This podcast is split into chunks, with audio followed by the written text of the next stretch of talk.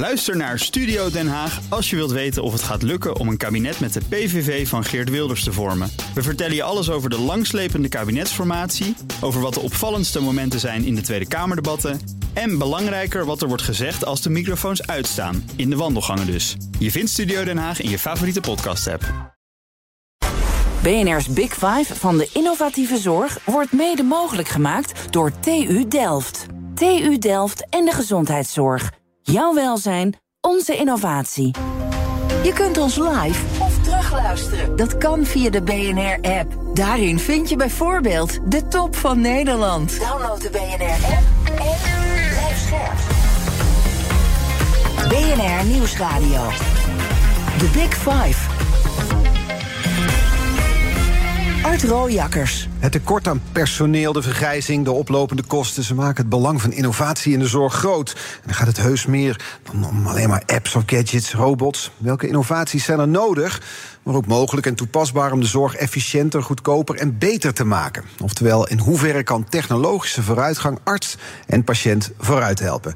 Daarover ben ik deze week in gesprek met vijf kopstukken... in BNR's Big Five van de innovatieve zorg.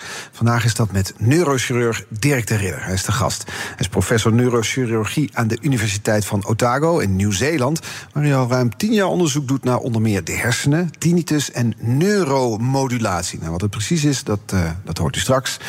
Welkom, meneer de Ridder. Goedemorgen. Het was een lange reistijd vanaf Nieuw-Zeeland, kan ik me voorstellen, of niet? Ja, maar uh, gelukkig was ik al in uh, Europa. Het is zo dat ik maar een derde van mijn uh, jaar in Nieuw-Zeeland doorbreng. Een derde in België en een derde reis ik rond. Ah, ik vond het wel fijn dat u er bent, maar anders was de reis wel heel ver geweest. We gaan het hebben over die oplossingen die u mogelijk heeft gevonden voor tinnitus. Dat oorsuizen, oorpiepen. eerst wil ik graag twee dingen van u weten. Allereerst onderzoeker dus aan de Universiteit van Otago in Nieuw-Zeeland. Hoe bent u daar terecht gekomen? Um, dat was eigenlijk vrij toevallig. Ik was in um, 1999 in Nieuw-Zeeland omdat mijn broer, die orthopedisch chirurg is, daar een, uh, een jaar een fellowship deed. Dus een verdergezette opleiding voor kinderorthopedie. Ja. En toen ik daar uh, rondreisde, dacht ik van ja, dit is een heel aangenaam land. Als ik ooit de mogelijkheid krijg om naar daar te gaan, zal ik dat zeker doen. En dan in 2012 uh, werd ik gecontacteerd door een headhuntersbedrijf die vroeg of ik uh, geen prof wou worden aan de Universiteit van Otago in Nieuw-Zeeland. En ik heb er eigenlijk niet echt bij nagedacht, ja. maar gedacht als dat toen goed was, zal het nu ook wel goed zijn. Ja, en dat blijkt ook nog steeds zo te zijn. U bent inmiddels niet meer vol tijd verbonden aan de Universiteit van Otago, maar komt ook uh, weer in, uh, hier in Europa werken. Daarom bent u ook hier. Hoe, hoe verdeelt u uw tijd nu? Wel ja, het is zo dus dat uh, het onderzoek, uh, het klassieke onderzoek doen we in Otago aan de universiteit. En als we zien dat er iets uit dat onderzoek komt, ja. dat klinisch toepasselijk is, dan vertalen we dat naar een uh, neuromodulatie- en tinnituskliniek die, we, die ik in Gent heb mee opgestart. Um, om niet het wat frustrerende gevoel te hebben dat je in een ivoren toren zit en onderzoek doet dat leidt tot mogelijke toepassingen, maar dan niet de verantwoordelijkheid neemt om die ook te vertalen naar de kliniek. Ja, u wilt het meteen ook in de praktijk toepasbaar hebben. Het interessante natuurlijk, mijn tweede vraag is dat zelf geen tinnitus, hè, u? Geen last van? Nee, ik ben waarschijnlijk een van de heel weinige tinnitusonderzoekers die zelf geen um, oorsuizen heeft. En ook dat is toevallig. Ja. Ik was uh, in Antwerpen en uh, ging een doctoraat maken als neurochirurg over een neurochirurgische techniek die ik heel graag uitvoerde. Uh, en dat was microvasculaire decompressie. Eigenlijk wil dat zeggen dat als een bloedvat tikt op een zenuw, een ja. hersenzenuw, dan kan dat kortsluitingen veroorzaken. Die kortsluitingen kunnen dan afhankelijk van welke zenuw geraakt wordt, pijnscheuten geven in het aangezicht, wat men trigeminus neuralgie noemt, kan uh, trekking in het aangezicht ja, noemen. zeg maar. Ja. ja. Of kan oorsuizen veroorzaken. Nu, als je kijkt naar de resultaten van de chirurgie, is die in het algemeen zeer goed, behalve voor. Dus ik dacht, misschien moet ik daarvoor dan, uh, daarop dan wel proberen te doctoreren, omdat daar de resultaten duidelijk veel slechter waren. Nou is het natuurlijk ook niet zo dat elke cardioloog hartpatiënt moet zijn, maar is het lastig om onderzoek te doen naar iets wat je zelf niet kent? Um, het heeft zeker voordelen om te weten wat oorsuizen inhoudt. Aan de andere kant heeft het ook een voordeel om het zelf niet te hebben, omdat dat de emotionele factor van het oorsuizen wegneemt. En dus ook ervoor zorgt dat je het probleem misschien wel van op een iets, iets objectievere manier kan benaderen. Iets wetenschappelijke manier. Kijk, we, we hebben zo'n piep, hè, dan hebben een beetje een gevoel wat mensen met tinnitus bijvoorbeeld kunnen horen. Dat is dit. En dan kun je dan op verschillende niveaus. Je kan er nog een kloppend geluid erbij hebben, je kan er suizen bij hebben. Maar dit de hele dag, altijd. Dat is eigenlijk waar we het over hebben. En vandaag zijn we op het Tinnitus Symposium hier op de TU Delft. Later vandaag presenteert u samen met elektrotechnisch ingenieur Wouter Serdijn... een, een prototype van wat volgens jullie wel eens de oplossing voor die piep, dat oorsuizen, die tinnitus zou kunnen zijn. Een spannende dag. Um, ja, zeker. Um, nu, je moet dat wel kaderen in een breder onderzoek dat we al jaren doen. Maar de vernieuwing zit erin dat we uh, een beetje zoals in de renaissance teruggegaan zijn naar de bron. En gekeken van wat hebben we gemist, waarom doen we al bijna twintig jaar oorsuisonderzoek zonder dat daar iets uitkomt. Dat wil zeggen dat we iets fundamenteel fouts doen. We missen iets. Ja, ja. dat klopt. En dus wat we tot nu toe eigenlijk deden met neuromodulatie. Dat wil zeggen dat je de hersenen beïnvloedt met elektrische, magnetische lichtgolven. Dat we enkel probeerden het effect van gehoorschade op de hersenen te verstoren. Dus uh, om het eenvoudig uit te leggen, als je naar een concert gaat of je bent een soldaat en je wordt doodgesteld aan geluid, kan dat gehoorschade veroorzaken. Die gehoorschade die kan dan ofwel niet verwerkt worden door de hersenen. Als de hersenen het is niet belangrijk. Of als de hersenen zeggen het is belangrijk, dan gaan ze het geluid zelf aanmaken, net zoals bij fantoompijn. Dus dat veroorzaakt een toegenomen en veranderende activiteit in de hersenen. En die hebben we twintig jaar lang proberen verstoren. Ja, wat tegen probeert te werken. Wat ik me heb laten vertellen bij oorsuizers... we hebben allemaal oorhaartjes. Mm -hmm. die, voor, he, die zorgen voor de verwerking van het geluid. Als ze te veel geluid verwerken, krijgen, klappen ze min of meer om. En dat, dat krijg je nooit meer terug. Dan hebben we gelukkig heel veel van die oorhaartjes... maar als dat maar op een bepaalde frequentie gebruikt... ga je hersenen daar zelf maar geluid op inzetten, op die frequentie. Is dat een beetje goed uitgelegd? Ja, dat klopt. Het is net zoals fantoompijn. Mensen die... Het is er niet meer en dus voelen we het. Ja, dus een arm die geamputeerd is... kan leiden tot fantoomgevoelens. Uh, bij ongeveer 95 tot uh, 98 procent van de mensen met een amputatie hebben fantoomgevoelens. Maar gelukkig heeft maar 60 procent fantoompijn. Wat ook een van de gevoelens is. Mm -hmm. En bij oorsuizen is het interessant dat niet iedereen met gehoorsverlies oorsuizen heeft. Dus het geluid wordt enkel gegenereerd door de hersenen als de hersenen denken het is belangrijk dat dit geluid er is. Ja, dus daar zit, want u zegt nu twee keer, daar zit misschien wel de sleutel. Die hersenen moeten niet gaan denken dat het belangrijk is. Dat klopt. Ja. Maar hoe, hoe zorg je ervoor? Wel, uh, ook daarvoor zijn we terug moeten gaan naar de basiswerking van de hersenen. En intrinsiek hebben onze hersenen zijn een voorspellingsmachine. Ze gaan constant voorspellen wat gaat komen. Wat heel eenvoudig uit te leggen is als je gewoon op straat wandelt en je kan niet voorspellen dat de wagen die aankomt op een bepaald moment vlak bij jou gaat zijn, dan ga je gewoon wandelen ja. en je ziet wel wat eraan komt. Ja. Dus de voorspelling zorgt er gewoon voor dat we in leven blijven. Um, dat is ook zo in de natuur. Als een, als een um, een antilope een acaciaboom ziet, dan is de kans groter dat daaronder een leeuw ligt. Want de leeuwen houden van acaciabomen omdat die een uh, product afscheiden dat de vliegen en de muggen weghoudt. Dus zal die antilope er met een boogje omheen gaan? Met een boog omheen gaan. Onze hersenen doen juist hetzelfde. Ze voorspellen constant. Dus als onze hersenen nu voorspellen, dit geluid komt normaal gezien altijd toe, of kwam altijd toe, dan gaan ze dat proberen invullen. Nu, de reactie op of iets belangrijks is of niet, wordt door, ons, door onze hersenen op twee manieren benaderd. Enerzijds, als een leeuw in de buurt is, ja? dan gaat jouw fight-and-flight response geactiveerd worden, wat we wetenschappelijk het sympathisch zenuwstelsel noemen. Als er niks is, all quiet at the battlefront, dan gaat je parasympathisch zenuwstelsel geactiveerd worden.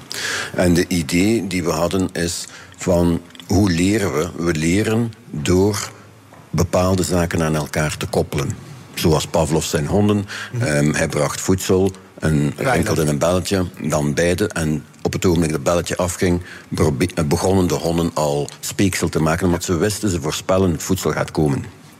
Nu, wat wij willen doen, is dat toepassen op het geluid.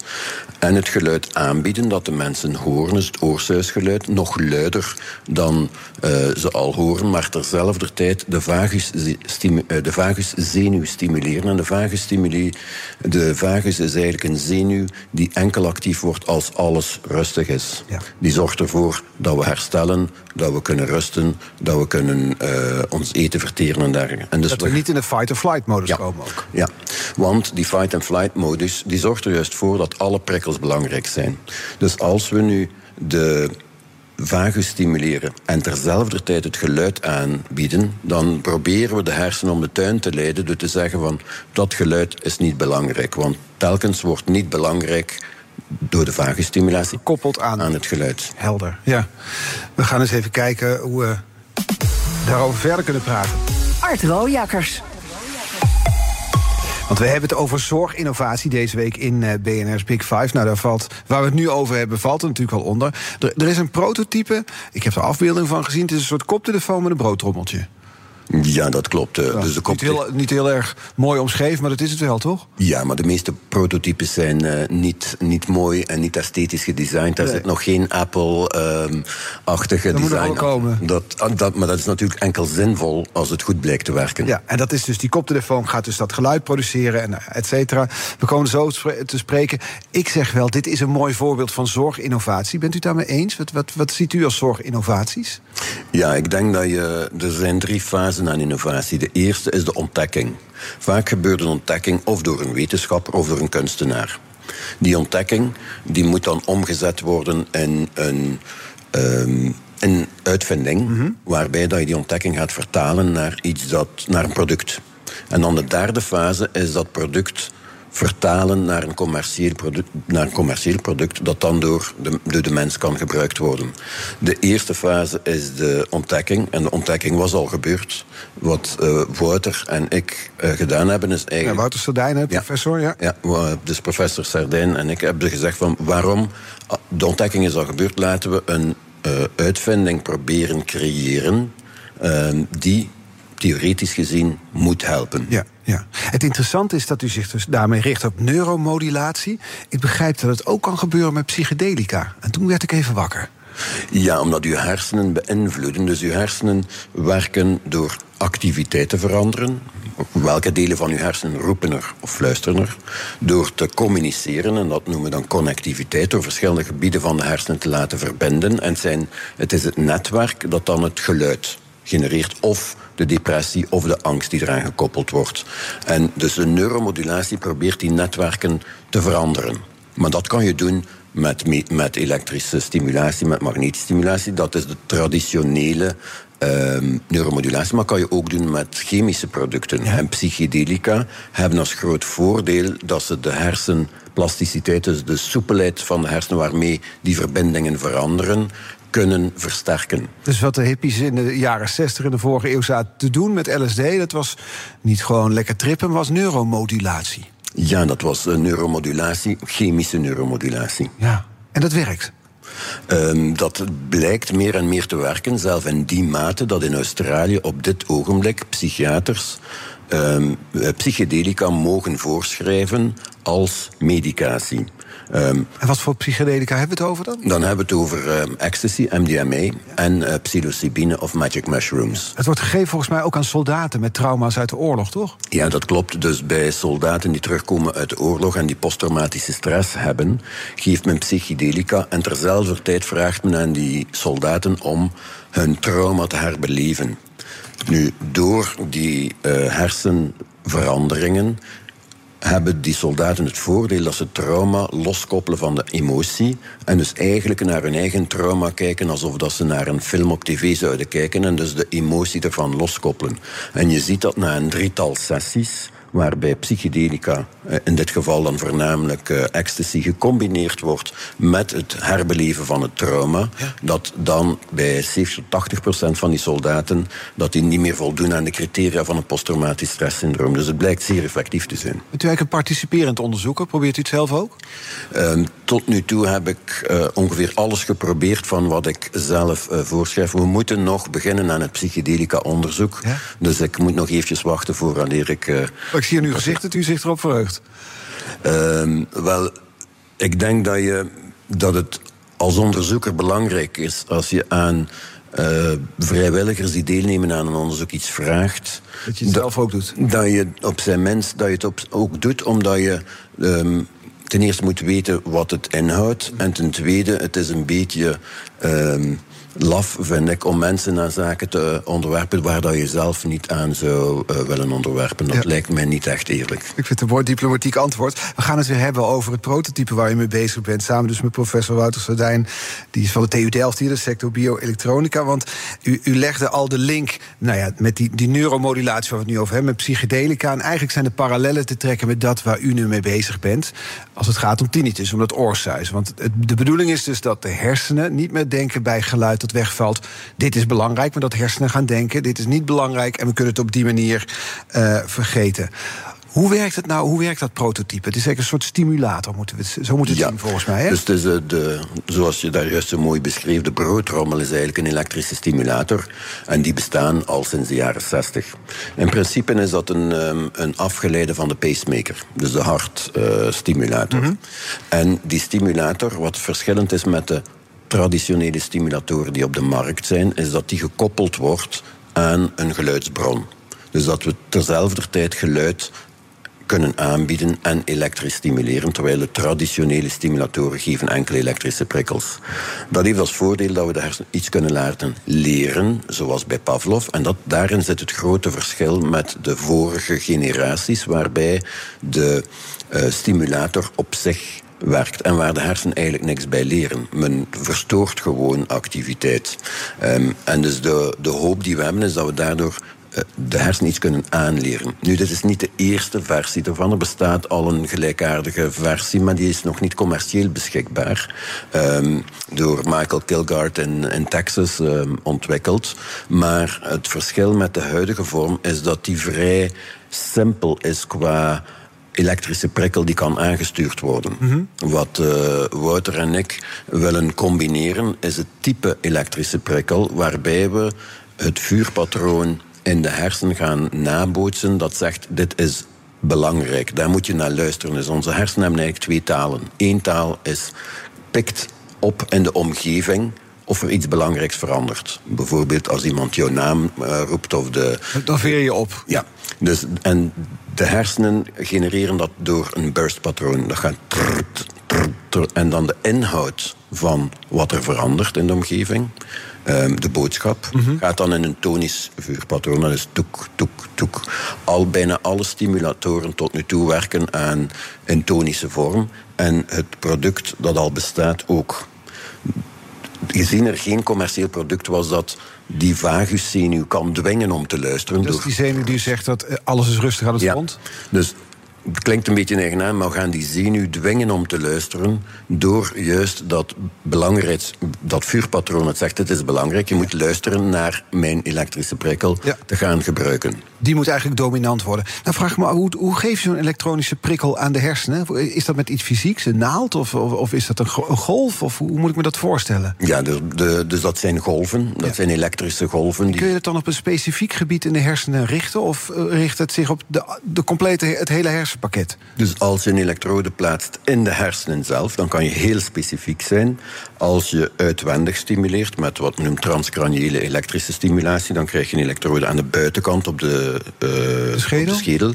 Maar je kan ook de, eh, een heel klein plaatje aan het oor prikkelen. En dat plaatje, weten we, anatomisch gezien, is geconnecteerd met die vaguszenuw. Dus daar kun je het dan heel specifiek toepassen. Want als je een ander gebied in de hersenen ook stimuleert, dan kun je weer andere gevolgen. Kun je bijwerkingen toch Ja. eh, veroorzaken of niet? Ja, en in principe als je de trigeminus, die daar, die daar vlakbij ligt, gaat prikkelen... dan verwacht je theoretisch zelf dat het zou kunnen verslechten... als je een bepaald vuurpatroon geeft. Dus de plaats is belangrijk, maar ook het vuurpatroon dat je aanbiedt... en de timing. Dus er zijn een aantal zaken die moeten perfect passen. Ja.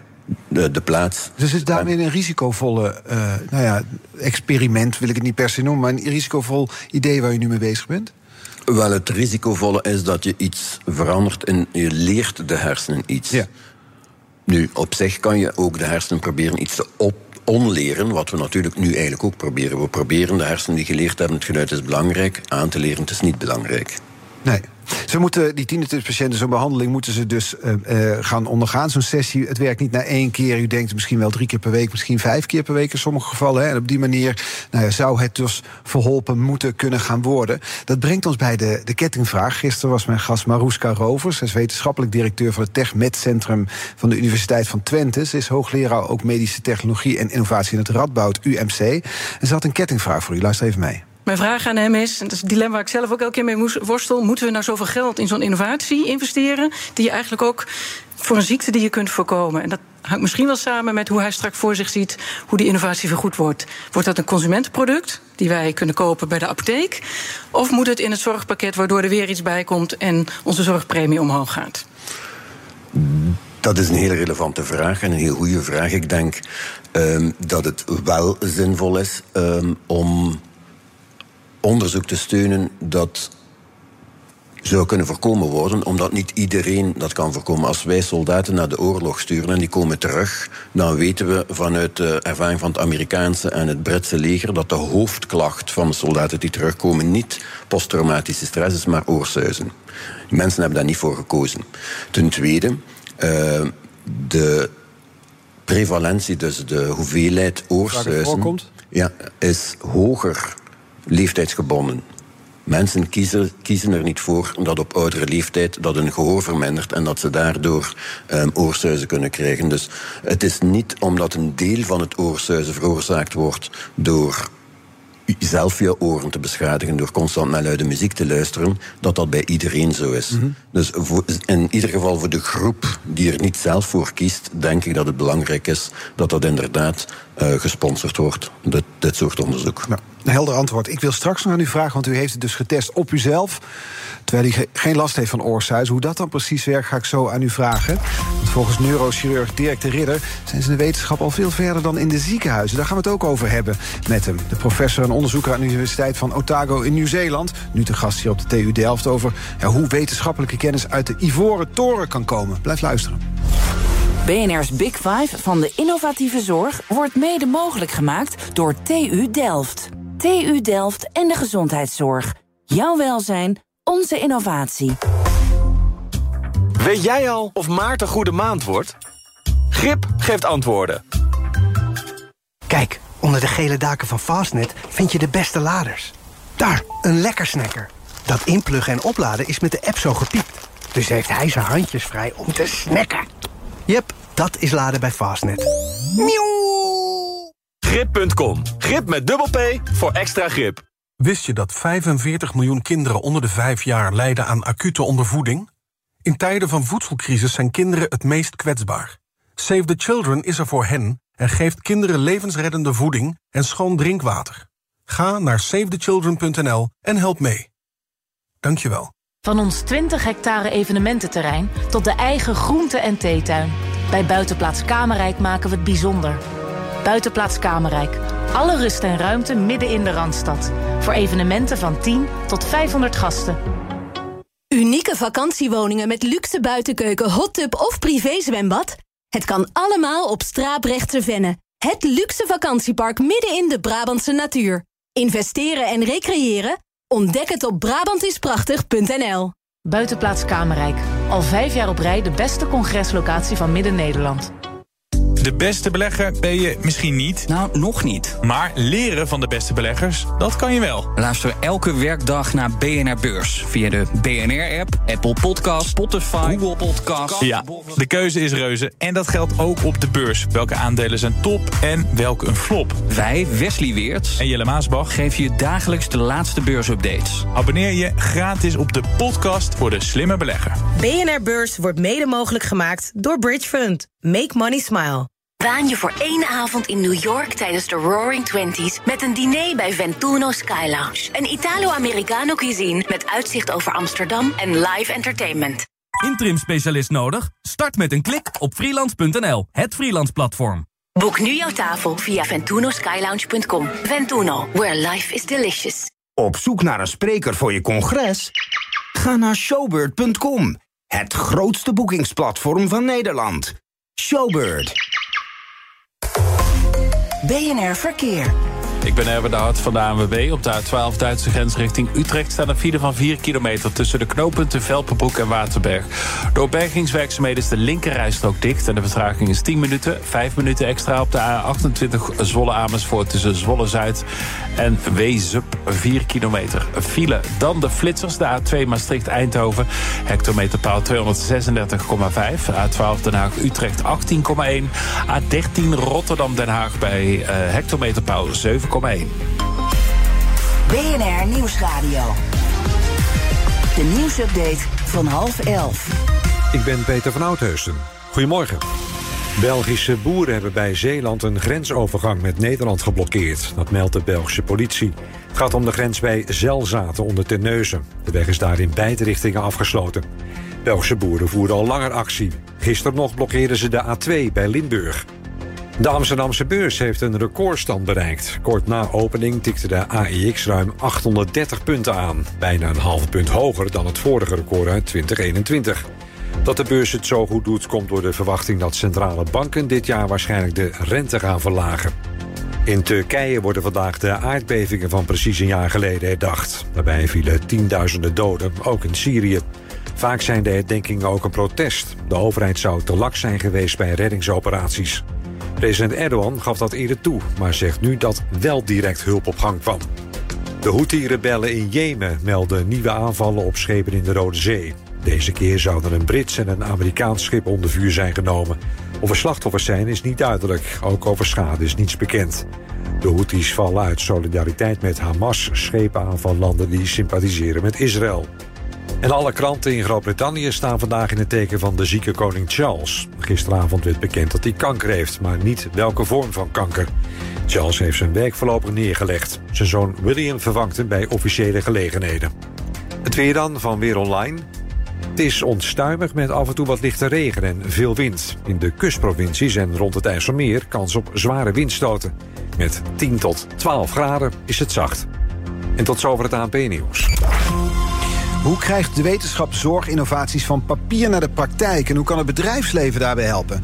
Bespreek het zo met Dirk de Ridder, professor en onderzoeker... aan de Universiteit van Otago in Nieuw-Zeeland. Een BNS Big Five van de innovatieve zorg. Live vanaf het Tinnitus Symposium van de TU Delft.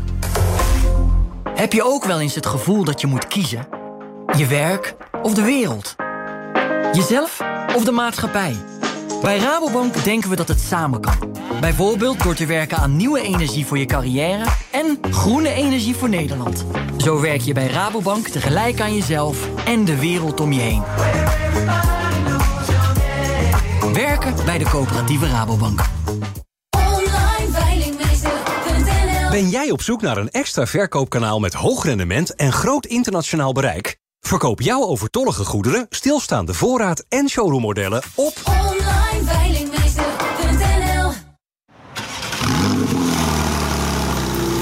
De toekomst roept. Minder CO2. Lies je mee? Dit is het moment om te kiezen voor de Tesla Model 3, Toyota Pro-Ace Electric of Volkswagen ID3. Uitstoot verminderen doe je samen met mobilityservice.nl. Wat als je de financiële boeken in één dag zou kunnen sluiten? Met Workday kan dat. Klanten van Workday sluiten gemiddeld 70% sneller af... dankzij gestroomlijnde processen, real-time inzichten en de kracht van AI. Workday, het finance en HR-systeem. Ontdek meer op workday.com bnr. In zes jaar Cryptocast hebben we al twee bear markets doorstaan. Met instortende koersen. Tot nu toe nog maar één bull market. Met prijsexplosies en hype. De Cryptocast is altijd op zoek naar evenwicht. Zoek met ons mee. Elke dinsdag om half twee. Cryptocast wordt mede mogelijk gemaakt door Bitfavo. De crypto-exchange van Nederland. BNR's Big Five van de innovatieve zorg wordt mede mogelijk gemaakt door TU Delft. TU Delft en de gezondheidszorg. Jouw welzijn, onze innovatie. Ook Bas van Werven vind je in de BNR-app. Ja, je kunt live naar mij en Iwan luisteren tijdens de ochtendspits. Je krijgt een melding van Breaking News. En niet alleen onze podcast Ochtendnieuws, maar alle BNR-podcasts vind je in de app. Download nu de gratis BNR-app en blijf scherp. Blijf scherp. BNR Nieuwsradio. The Big Five. Art Rooijakkers. Welkom bij Tweede Half Uur. Deze week vijf kopstukken uit de wereld van de innovatieve zorg. Gisteren sprak ik met Maroeska Rovers, wetenschappelijk directeur van het TechMed Centrum van de Universiteit van Twente. En ook nog hoogleraar medische technologie en innovatie aan het Radboud UMC. Over waar de meeste kansen voor zorginnovatie liggen. Het is terug te luisteren als podcast via onze eigen BNR-app. Vandaag de gast neurochirurg Dirk de Ridder, professor en onderzoeker aan de Universiteit van Otago in Nieuw-Zeeland. Komend half uur wil ik graag nog twee onderwerpen eh, met u bespreken. Namelijk ja, hoe de zorgsector wetenschappelijke kennis naar de praktijk kan vertalen. Want het is leuk, zo'n prototype bijvoorbeeld, of een innovatie. Maar ja, hoe zorg je dat het uiteindelijk ook praktisch toepasbaar is en dat er investeerders zijn? En zorginnovatie zelf. Uh, om met dat laatste te beginnen, beginnen we meteen nog heel even klein. Kom ik nog één keer terug op dat, datgene waar u mee bezig bent. Dat vond ik zo interessant dat het jammer is om te laten liggen. Jullie zijn aan het testen geslagen met de, nou, het prototype dat u heeft, met het idee wat u heeft heeft u op uzelf gedaan. Ja, dat klopt. En uh, ook al heb ik geen oorsuizen, maar... Hoe doe je dat dan? Wel, wat we willen weten is... De basisgedachte is, we moeten de vagus, het kalmerende systeem, ja. activeren... tezelfde tijd met een geluid. En de activiteit van de vagus kan je meten door onder andere wat we noemen heart rate variability. Dus gewoon een elektrische meting. Ja. En dus we het toestel kan niet werken als je dat systeem niet kan activeren, als je de vagus niet kan activeren. En wat we op mij getest hebben is, kunnen we de vagus activeren? En verandert dat ook de, de outcome? Ja, op die manier werd getest. Het is niet dat u een keiharde piep in uw oren kreeg opeens. Nee, want ik verwacht ook niet dat dat al na één sessie zal verdwijnen. We wilden gewoon weten, doe het toestel wat het moet doen. Ja. Nou, nou is dit een voorbeeld van bio-elektrische medicatie, kun je zeggen, medicijnen. Ja. Dat is een voorbeeld van innovatieve zorg. Um, dat is op meer ziektes van toepassing, kan ik me voorstellen, of niet? Ja, inderdaad. Dus het, uh, zelf dit prototype is in principe op veel meer zaken uh, toepasbaar. Uh, maar neuromodulatie is op elke aandoening toepasbaar die door de hersenen wordt gecontroleerd. En dat gaat veel breder dan alleen maar oorsuizen, pijn, depressie, angst, posttraumatische stress. Ook Parkinson bijvoorbeeld? Ook Parkinson wordt al behandeld met neuromodulatie. Ja. Uh, maar in de toekomst waarschijnlijk ook voor immuunaandoeningen, zoals reumatoïde artritis, omdat ook het immuunsysteem door de hersenen gecontroleerd wordt. Neem je hebt psoriasis, een, een immuunaandoening. Um, Zo'n huidaandoening is dat? Ja, een huid- en gewrichtsaandoening. Ja. Dan zien we dat als de zenuw die dat stuk van de huid bezenuwt uitvalt, dat de immuunaandoening ook verdwijnt. Dus ja. de hersenen controleren het immuunsysteem.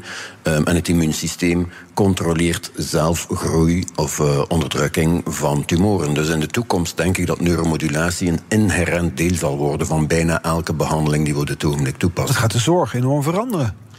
Um, op voorwaarde dat we kunnen aantonen dat het inderdaad een meerwaarde heeft. Ja, maar als het een meerwaarde heeft, dan gaat het op een heleboel manieren gaat het de zorg voor patiënten anders eruit doen zien. Ja, ik denk dat we gaan overstappen van een systeem waarbij je voor een hartprobleem enkel en alleen naar de hartspecialist gaat, dat daarbij misschien ook een, um, bijvoorbeeld een neuromodulatiespecialist aan, zal, aan bod zal komen. Ja, want nu, maar nu bijvoorbeeld als je een, hartprobleem hebt, dat, dat wordt losgezien als iets wat door de hersenen wordt aangestuurd, toch? Nee, en dat is spijtig, omdat een aantal hartaandoeningen zijn het gevolg van een slechte aansturing, onder andere van die vaguszenuw, waar we daar juist over hadden. Dus het is um, niet logisch. Wat voor hartaandoeningen hebben we het over dan? Voornamelijk de ritmestoornissen. Er zijn een aantal ritmestoornissen waar men anatomisch, dus in het hart, geen probleem ziet, maar waarbij de aansturing vanuit de hersenen verstoord kan zijn. En dat kun je dan op die manier eigenlijk weer aanpassen, met Ja, die neuromodulatie. Die, Dat, ze- wel, theoretisch kan je dat inderdaad vanuit die door die aansturing te normaliseren verbeteren. En we weten dat dit beter kan helpen. Bijvoorbeeld pijncentra zijn vaak multidisciplinair. Dus men heeft een pijntherapeut, een psycholoog, een, ehm, een neurochirurg, een orthopedisch chirurg. Die, die werken samen in een multidisciplinair team.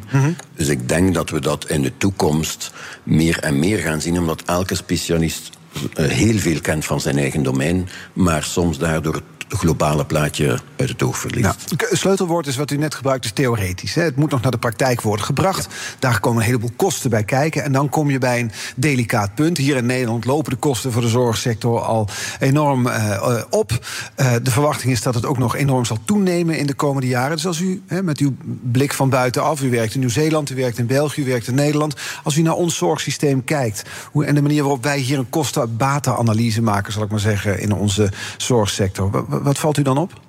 Wel, er is een groot verschil. Uh, Nederland en Nieuw-Zeeland zijn vrij gelijkaardig. Het Belgische systeem leunt misschien iets dichter aan bij het Australische en, het uh, Amerikaanse systeem. En het, volgens mij is het grootste verschil dat Nederland um, en Engeland en Nieuw-Zeeland daar is um, de volksgezondheid de parameter. Namelijk, hoe kunnen we de beste zorg aanbieden voor de totale bevolking? Ja. In België daarentegen, en ook in de Verenigde Staten, is dat geïndividualiseerd. Hoe kan ik voor die ene patiënt die voor mij zit het beste doen? Wat wil zeggen... Wat is het verschil tussen die twee? Het, het verschil is dat men, als men kijkt naar volksgezondheid, kan men op basis van statistieken zeggen, ja, iemand boven de 75 komt niet meer in aanmerking voor deze behandeling. Mm -hmm. In een individualistisch systeem speelt dat geen rol. Je blijft behandelen. Je blijft behandelen. Je doet een harttransplantatie bij iemand van 90, bij wijze van spreken, als je denkt dat dat voor, die en voor dat individu nog zinvol is. Maar dat is meteen ook veel duurder, dus veel kostbaarder. Dat klopt, dat is, dat is veel kostbaarder, maar heeft één groot voordeel. Ten eerste dat de individuele patiënt sneller geholpen kan worden. En ten tweede dat het soms ook kan leiden tot innovatie. Want als je op voorhand al zegt, we bieden dit niet aan op basis van onderzoek dat twintig jaar geleden gebeurd is, omwille van die reden bieden we het niet meer aan, ja, dan kan je vaak met uh, kleine wijzigingen van het systeem misschien wel nog een verbetering um, genereren voor een aantal mensen. Dus de, die individualisering kan leiden tot nieuwe ontdekkingen, die dan leiden tot een, uh, tot een nieuwe uitvinding, die dan leiden tot nieuwe innovatie. Maar dat begrijp ik niet helemaal. Want wat u zegt is die individuele uh, uh, patiënt omdat daar dan toch naar gezocht wordt naar de beste oplossing zorgt. Misschien voor een innovatie die wij hier in Nederland dan in ons systeem niet zouden hebben. Omdat we bij die patiënt zeggen: U bent te oud, we gaan u niet meer opereren, bijvoorbeeld. Ja, maar ook, ook de terugbetaling. Bijvoorbeeld heel eenvoudig bij medicatie. Neem nu, je hebt een medicament dat wordt terugbetaald voor deze indicatie. Ik schrijf dat dan voor voor iets anders, omdat ja. ik gewoon voor die patiënt denk, voor die patiënt zou dit kunnen werken op basis van hoe de receptoren en, en dergelijke meer werken. Ja. Als dat werkt, dan kan ik per ongeluk eigenlijk vinden dat inderdaad dit product werkt niet alleen voor pijn, maar werkt ook voor oorsuizen. Daarvoor heb je een systeem nodig dat ietsje minder rigide is. Op die kosten zit. Dat iets minder op die kosten zit, waarbij de terugbetaling geïndividualiseerd wordt ja. en niet voor de hele groep hetzelfde is. Gisteren met Marouska Rovers ging het gesprek er ook veel over die kosten-batenanalyse. Mm -hmm. Ging haar kettingvraag die u er straks heeft beantwoord ook over. Van ja, aan de ene kant moeten we wel alles willen dat we kunnen. Dat was eigenlijk de vraag die zij hardop enkele keren in de uitzending stelde. Want ja, die kosten lopen al zo op in de zorg. Hoe kijkt u naar zo'n zo'n vraag? Ja, maar dat klopt. Maar neem nu het, het geval van uh, een aantal psychiatrische aandoeningen, uh, of oorzuizen of pijn. Dat kost aan een maatschappij heel veel geld. Mm -hmm. Dus als je daar geen nieuwere zaken wil proberen, neem nu het thema waarover we het daar straks hadden, de psychedelica. Ja. Als je zegt, zoals in Australië, je mag vanaf nu psychedelica voorschrijven, ja, dan kan dat enorm kostenbesparend zijn, omdat een hele hoop mensen opnieuw aan het werk kunnen gaan. Maar dat vergt wel een beetje een open uh, mentaliteit, waarbij je de psychiaters vertrouwt dat zij de wijsheid hebben om het enkel voor te schrijven wanneer het nodig is. En dat is het grote verschil met een controlerend systeem zoals in Nederland en uh, Engeland, waarbij de controle of dat het nu financiële controle is of een andere controle, ja. ervoor zorgt dat de artsen eigenlijk veel minder vrij zijn in wat ze kunnen gebruiken om patiënten te helpen. Ja. Is dat een reden ook, want dat uh, zei Maroeska Rovers ook soms... als er een innovatie is, zeggen we... je kan beter naar Amerika toe gaan. Daar is het makkelijker om het op de markt te brengen... of om onderzoek te doen dan hier in Europa met al die verschillende landen. Uh, ja, plus dat de regelgeving in Europa veel moeilijker geworden is. Waar wij vroeger voorlopers waren in onderzoek... is de Europese regelgeving nu dermate moeilijk geworden... dat het veel moeilijker is voor onderzoekers en ook bedrijven... Ja. om... Uh, vernieuwingen um, te testen. Tiental jaar geleden werden alle nieuwe neuromodulatietechnieken in Europa getest. Nu nooit meer. Nee, nu kijken we naar Amerika. Hè, want we zagen die berichten van Elon Musk bijvoorbeeld. Die heeft zijn bedrijf Neuralink, heet het. Hm. Vorige week voor het eerst een implantaat in het hoofd van een mens geplaatst. Ze ontwikkelen een technologie waarmee verlamde mensen... Hè, dat zou het idee zijn, kunnen communiceren met uh, computers.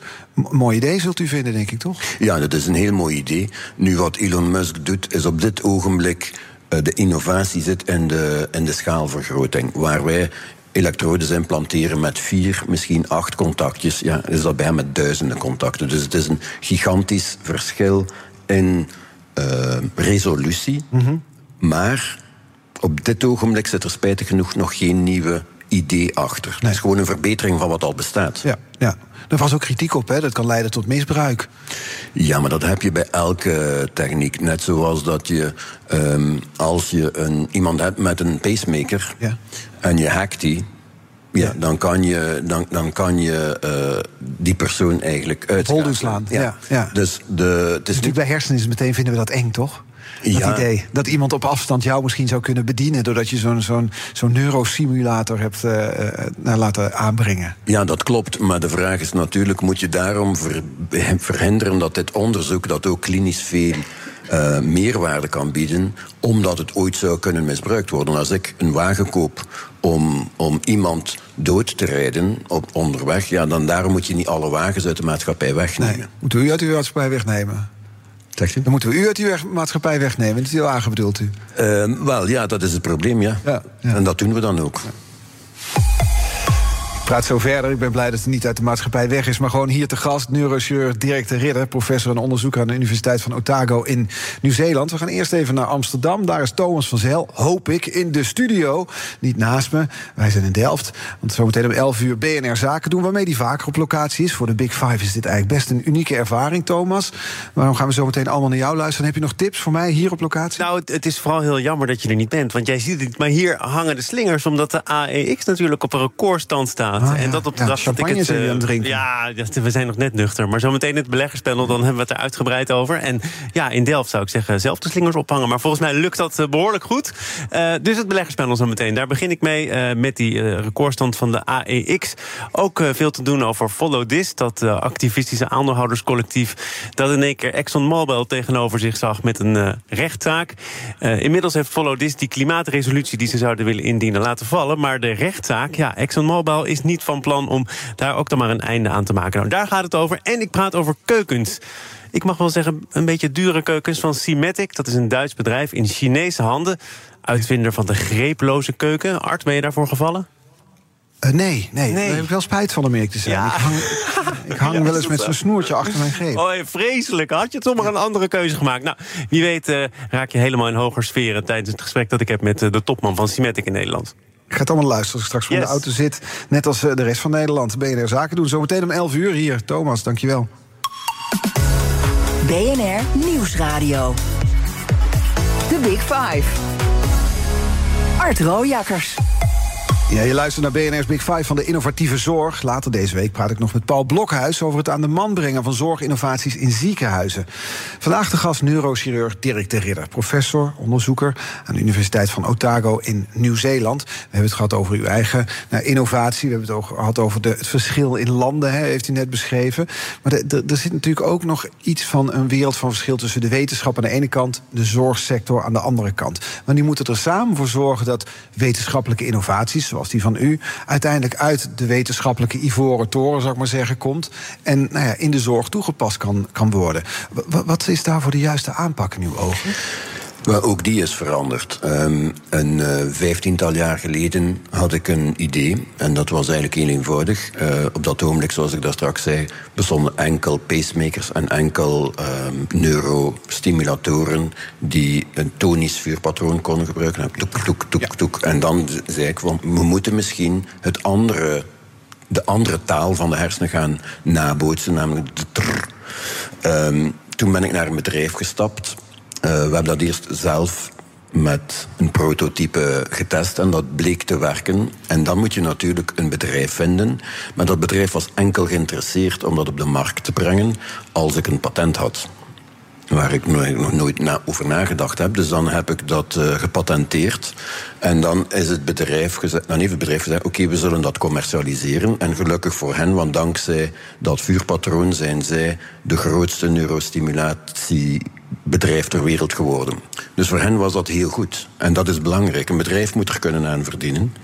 Ehm, het voordeel voor mij was dan ook dat ze een deel van mijn onderzoek sponsorden. Omdat ze dachten, wie weet komt er nog iets uit dat- waarmee we nog meer kunnen verdienen. Maar dan moet dat bedrijf natuurlijk ook overeenkomsten sluiten met zorgverzekeraars of met, in andere systemen met de, de nationale sector om het ehm, verkoopbaar te maken, zodat de patiënt er uiteindelijk kan van genieten. Dus er zijn een aantal stappen nodig die essentieel zijn om van de ontdekking via de uitvinding naar de innovatie te, te gaan. Nou, is het een lastige weg? Want nou, nou is het u gelukt, maar het, het ligt niet altijd voor de hand, kan ik me voorstellen. Uh, nee, en je hebt daar heel veel geluk bij nodig ook. Ten eerste, um, wel, de, innova de, uh, de uitvinding moet voldoende vernieuwend zijn en moet goed werken. Maar dat is maar één stap. Er zijn veel producten die heel goed zijn, maar die nooit uh, de markt zien. Want het moet passen in de strategische planning van een bepaald bedrijf. Ofwel moet je zelf een start-up starten, maar daar, daar zijn de meeste wetenschappers niet goed in. Um, ofwel moet je gaan samenwerken met uh, entrepreneurs die zeggen: ja, wij zullen het wel gaan ontwikkelen. Um, en daar haken de meeste wetenschappers af, omdat ze zeggen: eh, schoenmaker, blijf bij je leest. Ik ben goed in wetenschap, maar al de rest interesseert mij eigenlijk niet. Wat eigenlijk zonde is dus, want daarmee blijven innovaties liggen. Dat klopt, en dat is, een, en dat is een, um, een vrij groot probleem. Als je kijkt in de Decade of the Brain, die door Bush tussen 1990 en 2000 is gegenereerd, waarbij heel veel onderzoeksgeld naar hersenonderzoek gegaan is, daar is heel veel uitgekomen dat eigenlijk nog niet vertaald is naar producten waar mensen uh, beter van kunnen worden. Dus, en dat, een deel daarvan is de, de stap uh, van uit, van ontdekking naar uitvinding. -hmm. En daar kunnen wij wel aan meewerken. Maar we zeggen ook, ik wil een product dat... Ik wil wel meewerken aan het prototype, maar om dan het te commercialiseren, ja, dat is nog een andere stap. En dat ook, dat moet gefund worden. Ofwel vanuit de overheid, ofwel door privébedrijven. Ja. Dan kan ik me ook voorstellen dat, u zei het net, er zijn een aantal voorwaarden waarom het op de markt aanslaat of niet. Maar één voorwaarde noemde u niet, die wel meespeelt volgens mij, dat er voor bepaalde ziektes nou eenmaal meer aandacht is dan voor andere. Ik bedoel, obesitas, die, dat Ozempic, voor, ik hoorde vanochtend op BNR, het bedrijf gaat door het dak. Uh, en nu, nu iedereen daarmee mee aan de gang is gegaan. Het afvalmedicijn wordt gezien, terwijl het oorspronkelijk voor diabetes is. Of innovaties als gebied op gebied van kanker of kinderkanker. Hoe zit het bij, bij tinnitus eigenlijk? Is dat een sexy onderwerp voor investeerders? Nee, en dat is een probleem. Ondanks het feit dat de prevalentie hoog is. Dus heel veel mensen hebben, ongeveer 15% van de bevolking. Daarvan heeft 20% van die 15, dus 2 à 3% heeft heel veel last. En de helft daarvan kan niet werken. Dus er is wel een grote marge. Maar het grote probleem is, het is moeilijk meetbaar. Ja. Bij bloeddruk is het eenvoudig. Je hebt een bloeddrukmeter en u zegt, ja, de bloeddruk is te hoog. We geven de medicamenten bloeddruk verlaagd. Bij oorsuizen is dat heel moeilijk uh, meetbaar. Dus het is niet te vangen? Ja, dus de dag dat we um, een handtekening hebben, een objectieve maat voor oorsuizen, dan uh, gaat het veel meer investeerders aantrekken. En daarmee zijn we ook in Nieuw-Zeeland bezig om op basis van hersenactiviteit te kunnen zeggen: één, is er oorsuizen of niet? En de tweede, hoe luid neemt de patiënt het waar of de, de persoon het waar? En dan hoeveel stoort het? Als het kan dat... misschien in de toekomst wel meetbaar worden. Ja, dus als het meetbaar is, net zoals een bloeddruk, ja, dan is het interessant, om dan kan je onderzoek gaan doen waar privébedrijven of de maatschappij uh, in geïnteresseerd is. Zeggen, ja, als we dit geven of als we dit doen, dan zakt het. Dus het is zinvol om het te gaan toepassen in de maatschappij. Ja. Maar dat, dat, is dus nog, dat is nog een weg die af te leggen is. Maar eigenlijk min of meer, het meetbare is min of meer een voorwaarde om het hoger op de agenda te krijgen, is uw overtuiging? Ja, vanuit, zeker vanuit een uh, systeem waar volksgezondheid meespeelt en waar men de budgetten wil verminderen. Op het ogenblik dat je het meetbaar maakt en kan aantonen, zwart op wit, kijk, dit doet iets. Ja ja, dan kan een maatschappij niet meer zeggen: ja, maar we gaan het toch niet vergoeden. Nee, dan is het. Maar met zo'n getal, ja, ik noemde toch 300.000 Nederlanders die last hebben van tinnitus. Dat is een enorme groep. Ja, je zou denken dat er dan veel aandacht voor is. Ja, maar op dit ogenblik is er geen één product, dat, geen één medicament waar terugbetaling is in nee. geen één land in de wereld. En er is ook nog eigenlijk geen één product dat systematisch bij iedereen werkt. Vandaar dat ik ook zei, we missen nog iets. Ja. Nu, dit is niet enkel zo voor oorsuizen, het is voor een groot aantal psychiatrische aandoeningen ook zo. Heeft u eigenlijk al voor uw prototype een bedrijf gevonden dat wil commercialiseren? We hebben um, gepraat um, niet met een neuromodulatiebedrijf, want die zijn eigenlijk weinig geïnteresseerd. Om de reden die u daar juist zei, de markt lijkt hen te klein. Ja.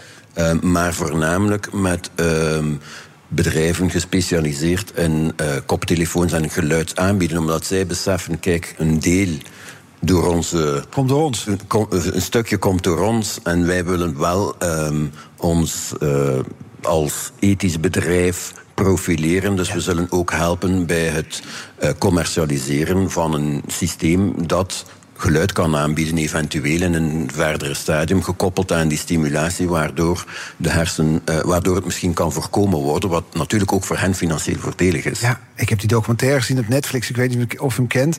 The Defiant Ones, aanrader, gaat over de verkoop van het bedrijf Beats by Dr. Dre. Hm. Dr. Dre en Jimmy Iovine, die dat voor meer dan een miljard verkopen aan Apple uiteindelijk. Dat zijn die koptelefoons. Mm -hmm. Dus er zit wel geld in die markt, kunnen we wel stellen.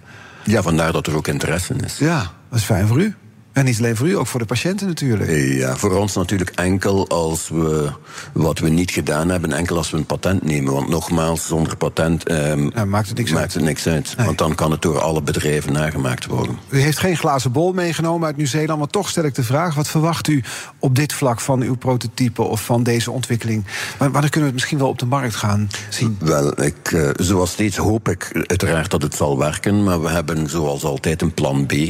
Neem nu dat we zien dat er een verbetering is, maar onvoldoende, dan willen we met uh, medicijnen of, of psychedelica die de plasticiteit, die de gevoeligheid van het zenuwstelsel vergroten voor ja. neuromodulatie, om dan eventueel te zeggen, kijk, um, als we het met het toestel op zich door het wat te tweaken niet kunnen oplossen, dan moeten we misschien zorgen dat de hersenen gevoeliger worden voor het systeem. En dat, uh, dat zal dan het plan B zijn, waarbij we dan uh, onderzoek zullen doen om te kijken, is de combinatie met bepaalde uh, plasticiteit vergrotende medicamenten. Ja.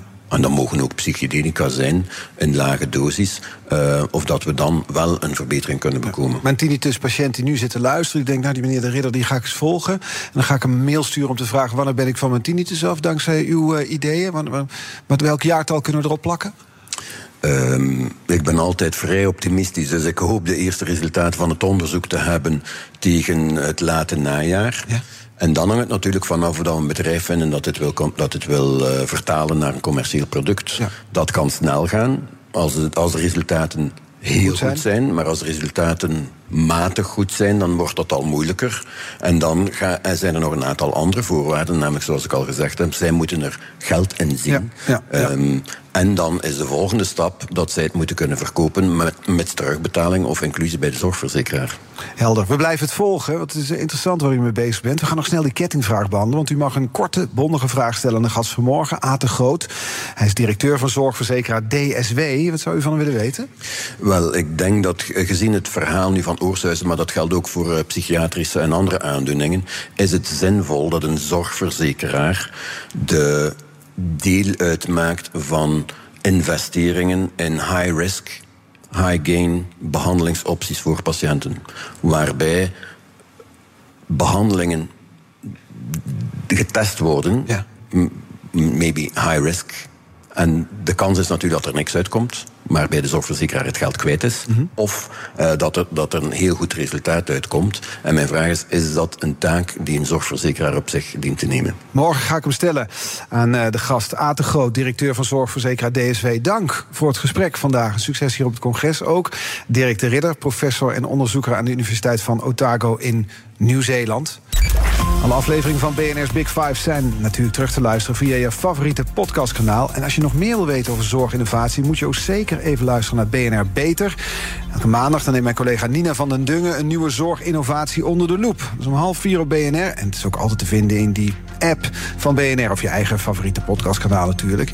Nu op deze zender BNR Zaken doen. Thomas van Zijl. Wij zijn er morgen weer. Tot dan. BNR's Big Five van de innovatieve zorg wordt mede mogelijk gemaakt door TU Delft. TU Delft en de gezondheidszorg. Jouw welzijn, onze innovatie.